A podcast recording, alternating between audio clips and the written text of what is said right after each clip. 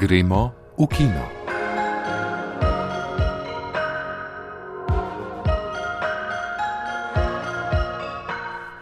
Lepo pozdravljeni.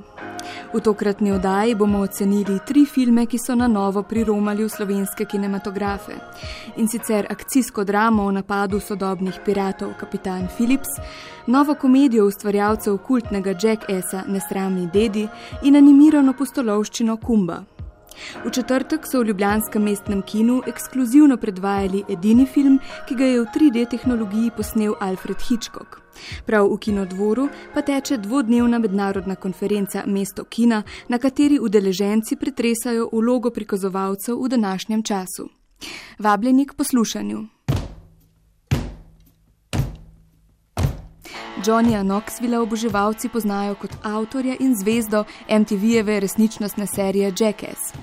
V nesramnem dediju, novem filmu, ki je nastal v produkciji ekipe Jackassa, pa Knoxville igra 86-letnega Irvinga Zismana, ki se svojim osemletnim vnukom odpravi na potovanje po Ameriki.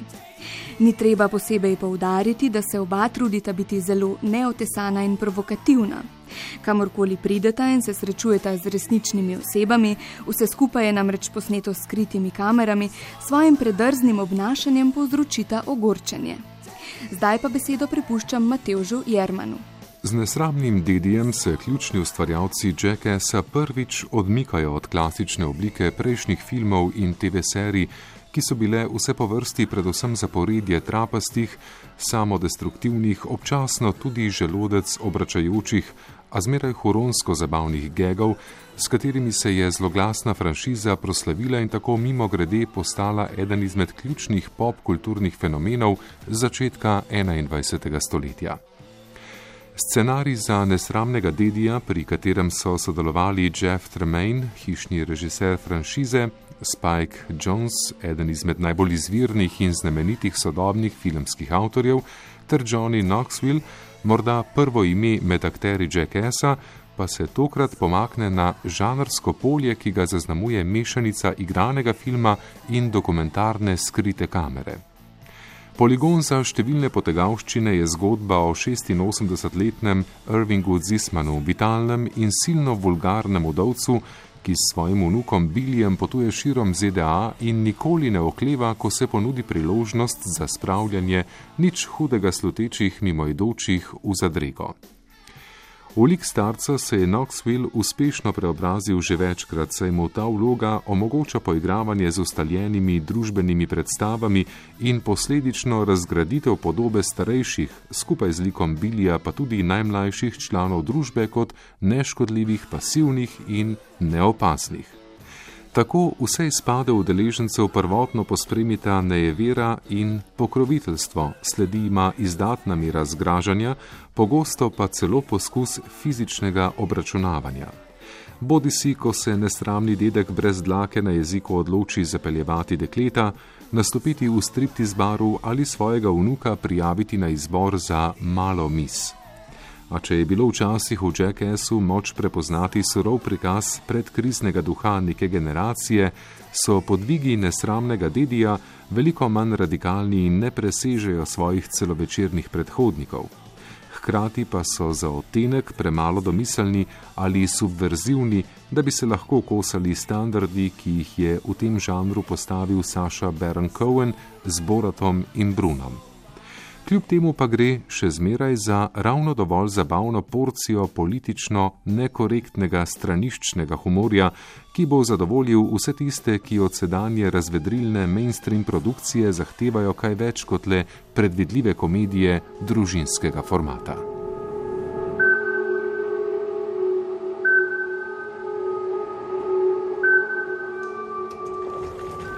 V kina je prišel novi film Paula Greengrassa, režiserja Bornovega ultimata, Zelene cone ali filma United 93. Greengrass ima rad zgodbe o herojih in v tem smislu tudi tokrat ni presenetil. Film Kapitan Philips je posnet po resničnih dogodkih, v glavno vlogo kapitana tovorne ladje, ki se svojo posadko ob somalijski obali znajde v primežu novodobnih piratov, je postavil Toma Hanksa. Za našo oddajo si je šel film ogledati Matej Juh.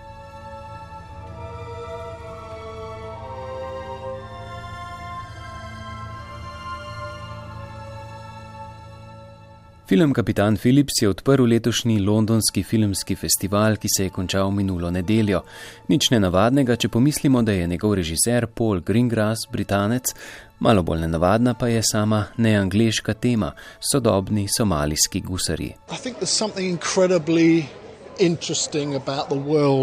Mislim, da je nekaj neverjetno zanimivega v tem modernem gusarskem svetu. Ne gre za filmske gusarje, to ni nekaj lahkotnega, ampak nekaj surovega in nevarnega. Poleg tega gre za vprašanje, ki zadeva vse ljudi. V resnici film govori o novem, pravkar rojenem svetu, to je svetu tistih, ki imajo in onih, ki nimajo. Zgodba o kapitanu Philipsu, kapitanu tovorne ladje, ki se sooči z mladim somalijskim gusarskim kapitanom, pravzaprav govori o tem, o trku dveh svetov. Spopad dveh volj je v resnici osrednja tema filma. Tako Paul Greengrass. Film je nastal po knjigi resničnega kapitana Richarda Philipsa in filmska zgodba res zvesto sledi dogodkom, ki jih je ta doživel na tovorni ladji ob zloglasni somalijski obali v marcu leta 2009.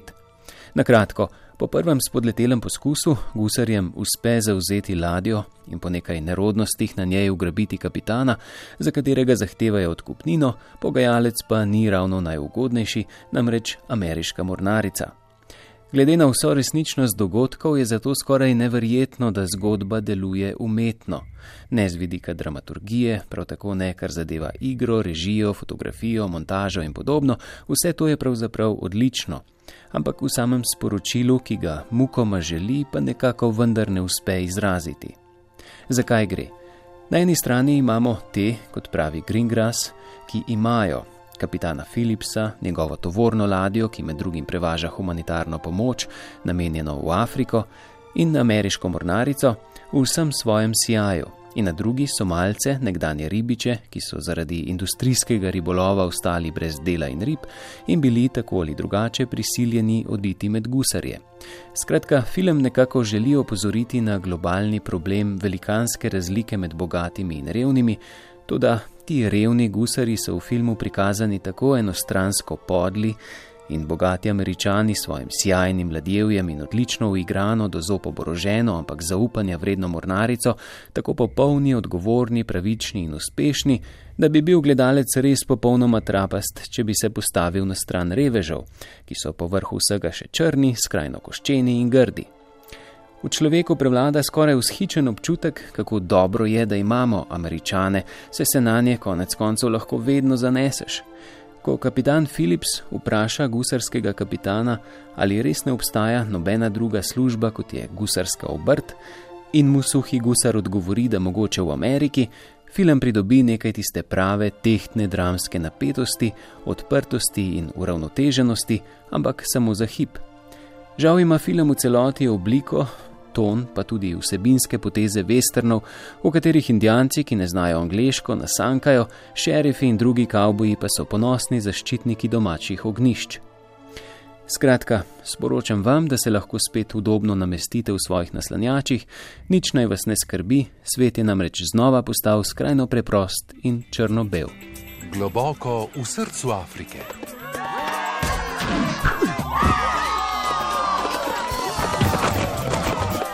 Afriška produkcijska hiša Triggerfish je ustvarila animirano pustolovščino o zebrinem samcu Kumbi, ki se rodi brez črt na zadnjem delu hrbta, zaradi česar ga njegova čreda zavrača in celo obtoži za sušo. Lahko bi torej rekli, da gre za film o črni ovci oziroma ovnu med zebrami. Film si je ogledala Neva Mužič.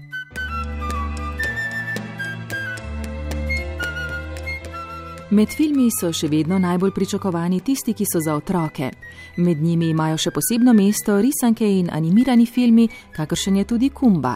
Posneli so ga v Južni Afriki, kar je vredno omembe, kajti opominja nas, da so v filmski industriji tudi drugi studiji poleg ameriških in visoko usposobljeni kadri. Kumba je zebra. Zebre v glavni vlogi še nismo videli, zato je še toliko bolj zanimivo, kakšno vlogo med pisano druščino filmskih likov so ji namenili. Eden od razlogov je, glede na to, da gre za afriško produkcijo, gotovo, da je zebra afriška žival, poleg tega ni udomačena, zato je na njej nekaj skrivnostnega. Nekaj, kar lahko uporabimo le v prenesenem smislu, še sploh njene enkratne črte na koži. Naprimer, prehodu čez cesto rečemo zebra, prehod pa ima veliko pomenov. V omenjenem filmu bo Kumba prehodil pot od negotovega mladiča do samozavestnega posameznika, ki na svoji poti spozna ne le svet okoli sebe in druge živali, ampak tudi sebe. Kar je še pomembneje, sprejme se takšnega, kot je. Kajti Kumba, ime v afriškem dialektu pomeni koža, ob rojstvu nima vseh črt. Tudi slovenci imamo besedno zvezo počutiti se dobro ali slabo v svoji koži. Kumba se brez vseh črt res ne počuti dobro. Zato se postavlja vprašanje, koliko črt potrebuje, da bo lahko zadovoljen in da bo postal prava zebra. Ali drugače, kdaj postane nek osebek pravi osebek. Lahko gre tudi za človeka in to otroci v kinu prav dobro razumejo. Uživijo se v vse dogodivščine, prijetne in nevarne, ki jih kumba premaguje na poti do čudežnega vrelca vode, kjer so nekoč zebre dobile črte, kot pravi legenda, ki mu jo je zaupala mama, preden je umrla. Umrla pa je zaradi suše, In kaj je hujšega, kot da Kumbo zaradi njegove drugačnosti obtožijo, da je kriv, da ne dežuje več? Film se konča tako, kot se animirani filmi končajo ponavadi, saj so vedno tudi malce poučni. Vendar pa je to delo vseeno nekaj posebnega.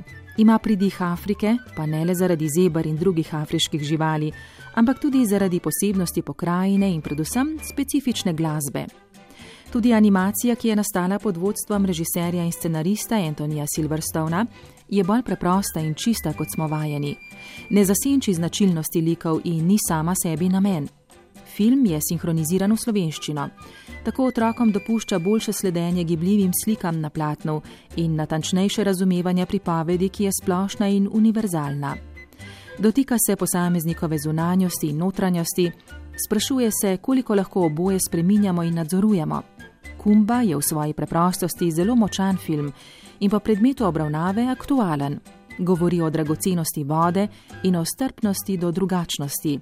Film je prišel v naš svet kot naročen.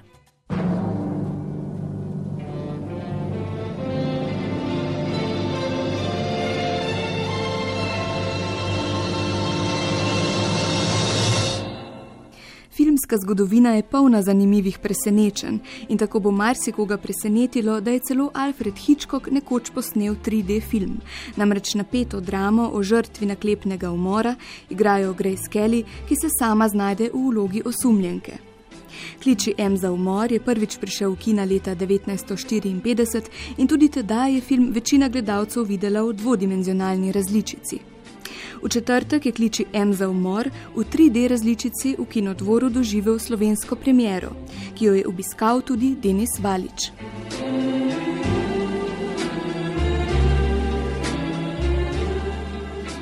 Danes, v digitalni dobi, ko je filmska tehnologija neverjetno napredovala in dosegla tako raven, da nam je celo najbolj fantastične prizore zmožna prikazati realistično, skoraj dokumentarno, se zdijo revolucionarne tehnične novotarije preteklih dob, kot so bili ne nazadnje tudi prvi resni poskusi v 3D kinematografiji iz prve polovice 50-ih let, skoraj smešne. Prav zaradi tega je četrtkova projekcija filma Kliči M za umor, ene kultnih srhljiv britanskega mojstra tega žanra, Alfreda Hitchcocka, ki so nam jo v sklopu projektov ob letu kina predstavili v kinodvoru, vzbudila tako pristno vznemirjenje kot tudi rahle pomisleke. Akmalu se je izkazalo, da je bil vsak strah pred tem, da bo delo delovalo naivno in arhajično, v svoji tehnološki podobi pa celo staromodno, povsem odveč. Pravzaprav bi zdaj lahko rekli celo nasprotno. Namreč, čeprav kliči M za umor nedvomno ni eden največjih dosežkov ustvarjalnega genija tega edinstvenega cineasta, in čeprav nam tudi v tehnološkem pogledu ni prinesel nobenega presežka, je ogled filma vseeno prinesel pravo osvežitev, saj je še enkrat pokazal, da v filmu največ pomeni spretnost pripovedovanja zgodb s podobo, njena tehnološka dovršenost pa pri tem ne igra prav velike vloge. In prav v tem je Hitchcock bil in še vedno je neprekosljiv. Zato moramo tudi njegovo uporabo 3D tehnologije gledati predvsem v tej luči. Kliči M za umor tako z vidika njegove tehnološke podobe ne pomeni nič pretresljivega, zgolj zgodovinsko kurioziteto, saj gre za prvo in edino delo v 3D tehnologiji, ki ga je Hitchcock posnel. Pri tem je zanimivo, da ga v času nastanka v 3D verziji skoraj da niso prikazovali, saj je ta tehnična novotarija takrat zaživela le za kratek čas. Leta 1953, ko je bil film posnet, se je pohod 3D tehnologije že končal.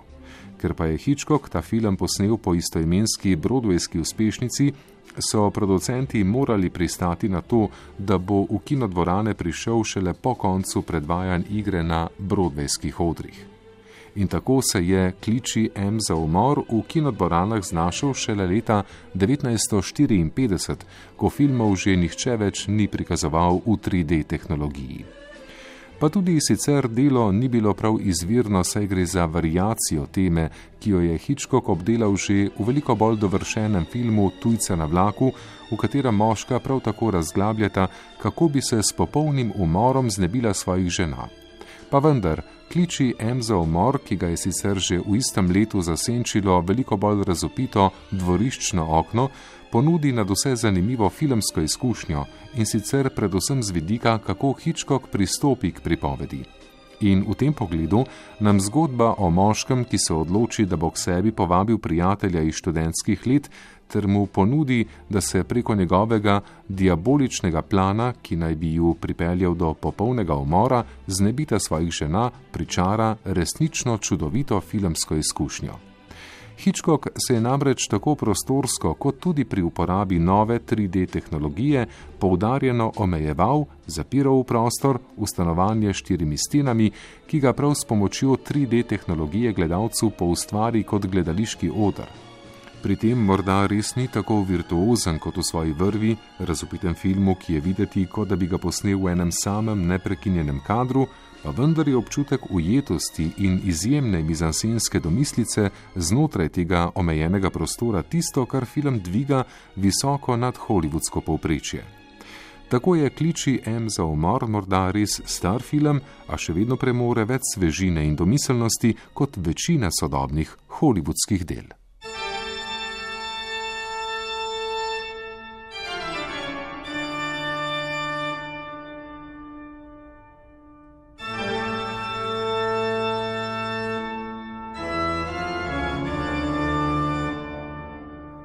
Ko smo že pri dogajanju v kinodvoru, bi opozorila še na en dogodek, ki bo tja nedvomno privabil oboževalce grozljivk. V noči z 31. oktober na 1. november namreč v kinodvoru prirejajo Noč grozljivk in sicer že šesto leto zapored. Šest filmov, ki bodo na sporedu od sedmih zvečer do sedmih zjutraj, je izbral Marcel Štefančič junior. Dogodek pa oglašujejo kot 12 ur groze, gorja in gravža. Pet od izbranih filmov je novejšega datuma, delo, s katerim se bo noč začela, pa je kultna grozljivka Williama Kasla iz leta 1959, The Tingler oziroma Srhljivec, ki bo prikazan v izvirni različici kot interaktivna predstava.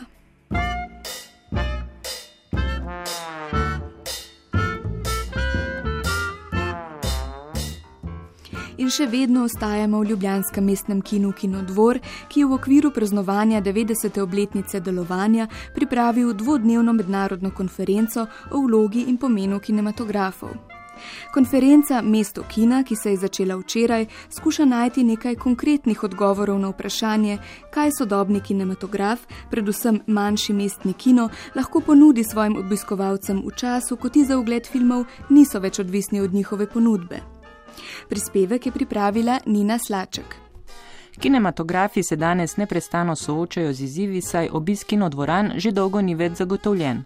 Nasprotno, obisk predvsem velikih multipleksov naglo upada, po drugi strani pa nove tehnologije zahtevajo pogosto drago prilagajanje razvoju, kar pa samo po sebi še ne zagotavlja, da bo vložek tudi povrnjen. Kinematografi morajo zato v današnjem času odkrivati nove pristope, če želijo preživeti kakšne pa so uspešne strategije, ki to lahko omogočijo, pa je eden od namenov mednarodne konference Mesto kina. Direktorica kina Kinodvor Nina Peče. Mesto kina je strokovno srečanje, torej konferenca, ki naj v skladu s tem eh, odpre vprašanja o tem, kakšna je vloga sodobnih prikazovalcev, torej kinematografov v novi bom rekla, digitalni dobi, v kateri smo se znašli, predvsem pa kakšen je, kakšen je njihov pomen in vloga v, na področju filma, široko in pa konkretno v posameznih lokalnih skupnostih. Torej, kaj je danes kino v mestu in kakšno je njegovo mesto eh, jutri, torej v prihodnosti.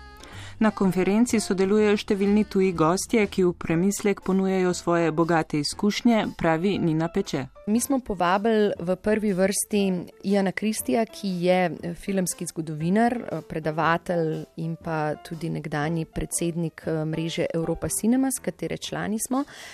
Ian Kristi, njegovo delo spremljamo že dlje časa in on je tisti, ki zna mogoče v zelo strnjenih konceptih pripovedovati o tem, kakšna je zgodovina kina, seveda z ozirom na razvoj filma, kakšen je sodoben položaj kinematografov, kaj so njegove pasti, kaj so prednosti, kaj eh, nas čaka. In eh, je z tega vidika, bom rekla, mm, za nas eh, zelo pomemben njegov prispevek, kot neka širša slika in uvod v to konferenco. Potem pa so naši gostje konkretni, torej, ki bojo prenesli konkretne prispevke. In sicer so to kolegi iz evropskih kinematografov, večinoma, ki so uspešni, ki delujejo v podobnih okoljih kot je naše, torej ne samo Ljubljana, ampak tudi v manjših okoljih, torej je pomembno za kinematografe v Art Kino mreži Slovenije. Potem je tukaj seveda tudi direktor eh, Münchenske kinoteke Stefan Drosler, ki pa prihaja z zelo zanimivim predavanjem o 3D filmu in tehniki. In skupaj s svojo soprogo, bom rekla, ki pa je velika poznavalka in tudi akterka na, v azijski kinematografiji. Tako da smo potem pokrili še ta futuristični del kinematografije, bom rekla, s skokom v to azijsko situacijo.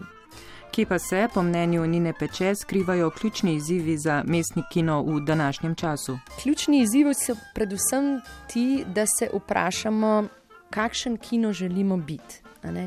Torej, verjetno ne vsi enak in verjetno se ne bomo, eh, ne bomo našli vsi identičnih odgovorov, ampak da se vsak eh, kinematograf, ki želi biti art oziroma mestni kinematograf, torej nekakšen živahen kulturni center, ki prinaša kakovosten film, da se vsak od nas vpraša, kakšna je naša vloga in čemu moramo slediti, zato da bomo zares eh, dosegli čim širši krok občinstev oziroma ljudi, ki smo jim konec koncev tudi namenjeni.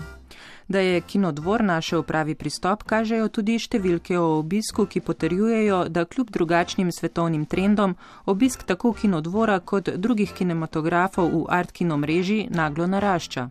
Vse torej kaže, da bodo kinematografi, kljub črnim napovedim nekaterih, še naprej ostali z nami.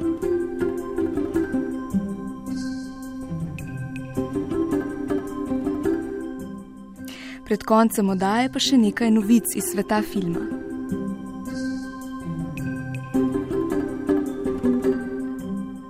V soboto 19. oktober se je zaključil 29. mednarodni Varšavski festival. V tekmovalnem programu je prvenec Zapeljime Marka Šantiča, ki je nastal v produkciji RTV Slovenija, prejel posebno omembo žirije. To je prvo mednarodno priznanje za Šantičev film, ki je na festivalu slovenskega filma v Portorožu prejel vesno za najboljšo režijo. Včeraj se je začel največji filmski festival v Avstriji, Biennale, na katerem bosta tudi dve projekciji filma Razredni sovražnik, nastalega v režiji Roka Bička. Projekciji bosta v nedeljo 27. oktober in dan zatem. Razrednega sovražnika do konca leta čaka še obisk šestih pomembnih mednarodnih festivalov. Med njimi omenimo Mednarodni festival v Mannheimu in Heidelbergu. Ta se začenja 31. oktober, razredni sovražnik pa je na festivalu uvrščen v tekmovalni program 17 filmov iz vsega sveta. V programu Mednarodna odkritja bo prikazana tudi italijansko-slovenska koprodukcija Zoran Mojnečak Idiot, režiserja Mateja Oleota.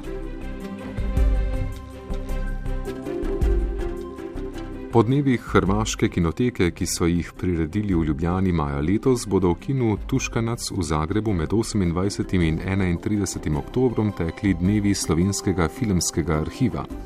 Poleg prikaza skupnega dela pri restauriranju filmov si bodo obiskovalci lahko ogledali še nikoli videno ali že pozabljeno, toda še ohranjeno filmsko dediščino, ki je obema narodoma deloma tudi skupna.